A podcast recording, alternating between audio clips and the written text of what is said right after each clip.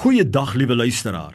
My naam is Kobus Tron en u is ingeskakel by die program Meer as oorwinnaar. Ja, met my hele wese is ek daarvan oortuig dat die Here, ons God, elkeen van sy kinders wil help om meer as oorwinnaar te wees, te word en te bly, om suksesvol en gelukkig te wees in elke area van ons lewe. En vandag het ek weer eens 'n boodskap op my hart wat ek glo die Here wil hê jy moet vandag hoor.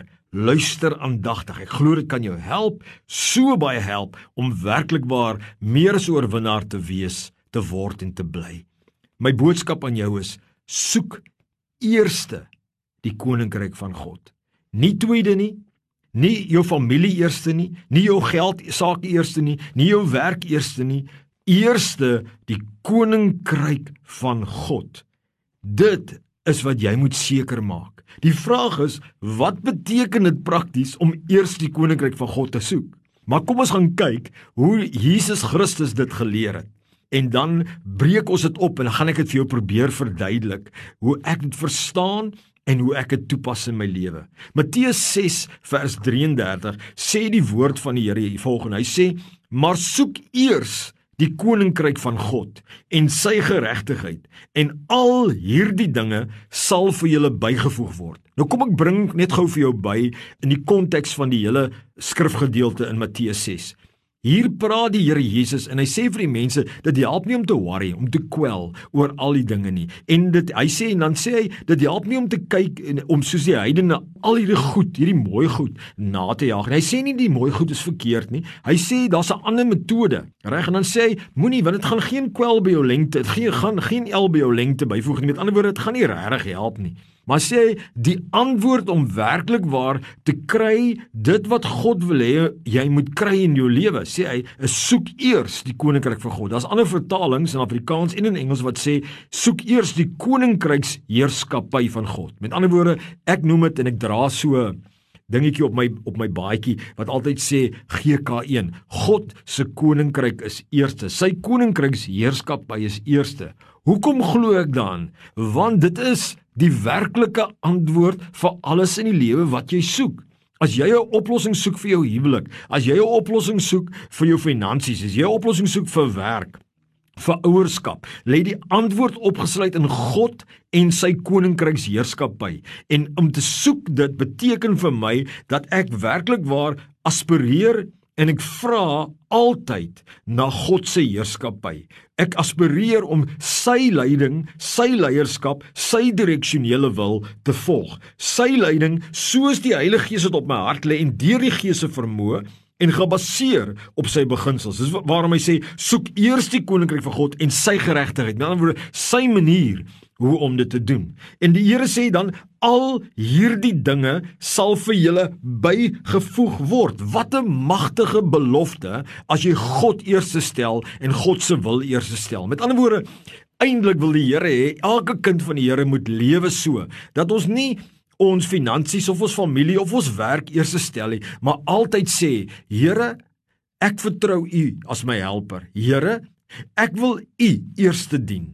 U is my eerste prioriteit om U te aanbid en in 'n verhouding met U te staan en my tweede prioriteit is of deel van my eerste prioriteit Here is om U wil te wil doen. Ek wil U koninkryks heerskap byvolg. Ek wil myself onderwerp en ek wil dit wat ek weet U wil is soos U Heilige Gees dit vir my lei. Dit wil ek doen. En soos dit gebaseer is op U woord beginsels. En dan kom hierdie belofte van die Here Jesus. Dan sê hy die heidene het na daai goed gejaag, jy weet, maar hy sê Hy sê vir uh, hy sê ek sal alles vir julle byvoeg.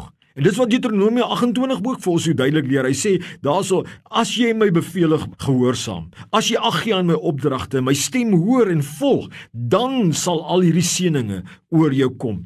God beloof, hy voeg by wat hy weet wat die beste is, maar die antwoord tot jou oplossing of die antwoord tot jou probleem is God sy wil Sy wil wat jy weet sy wil is om dit uit te voer deur die genade van die Here. Met ander woorde die Here sê, soek jy eers my wil, soos ek jou deur die Heilige Gees het in jou hart werk, né? Nee, dan gaan ek vir jou voorsien in al jou noodsaaklike behoeftes rondom jou fisiese en daaglikse lewe. En dan gaan ek vir jou guns gee en geleenthede gee op die regte tyd. Ek gaan jou die krag gee en die vermoë gee om te oorwin en as 'n oorwinnaar te wees. Ek gaan vir jou help om suksesvol en gelukkig te wees. Ek gaan jou beskerm. Ek gaan jou vrywaar van verwoesting. Maar dan moet jy my nou wil, my direksionele wil volg. Dit moet jou eerste prioriteit wees. Mense, Ons as kinders van die Here moet leer dat daar geen groter antwoord is as God en sy wil vir ons lewe nie.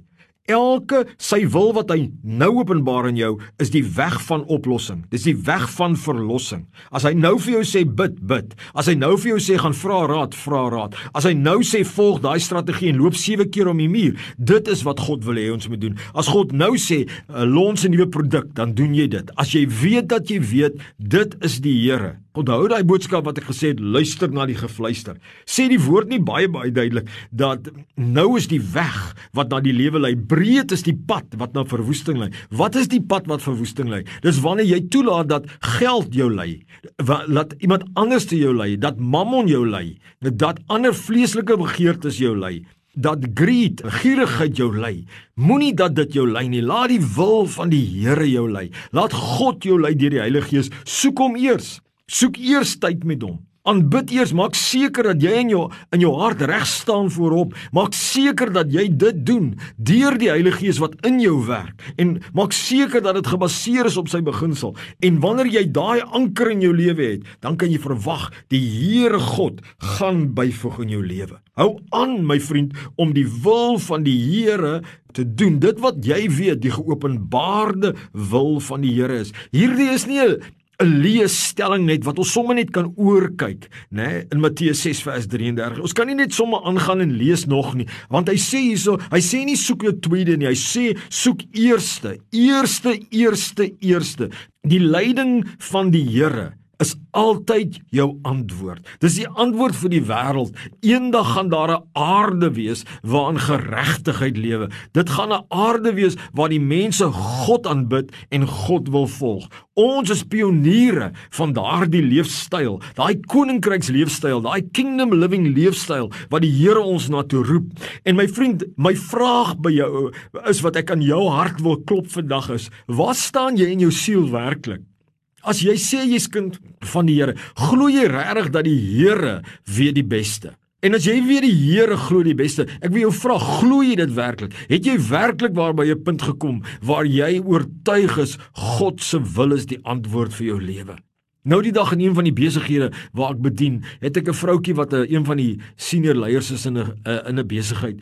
Toe konfronteer ek haar. Ek vra vir haar, Weet jy, ek wil werklik vir jou vra, waar's jou siel? Want ek sien as ons in vergadering staan dat jy nie werklik waar belangstel om die wil van God uit te voer nie. Ek verstaan dit nie, want jy bely jy's 'n kind van die Here. Jy glo in God, nogtans wil jy nie God se raad volg nie.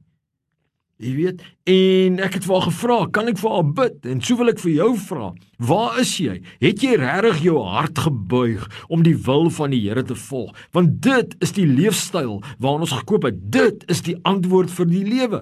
Om te doen dit wat jy weet dat jy weet die wil van die Here is om jou oë op die Here te hou En ek weet dit is nie altyd maklik nie, maar daar is nie 'n ander weg nie. Daar's geen ander antwoord wat werklik waar vir jou gaan help om God se voorsiening te ervaar, God se geleenthede, God se vermoë, God se sukses en ware geluk te ervaar nie. My vriende kan eerlikwaar getuig, God is getrou, maar dan moet jy hom volg. Jy moet die nou pad volg. Dit help nie net jy kom deur die nou hek nie, dan is jou pad reg vir die hemel.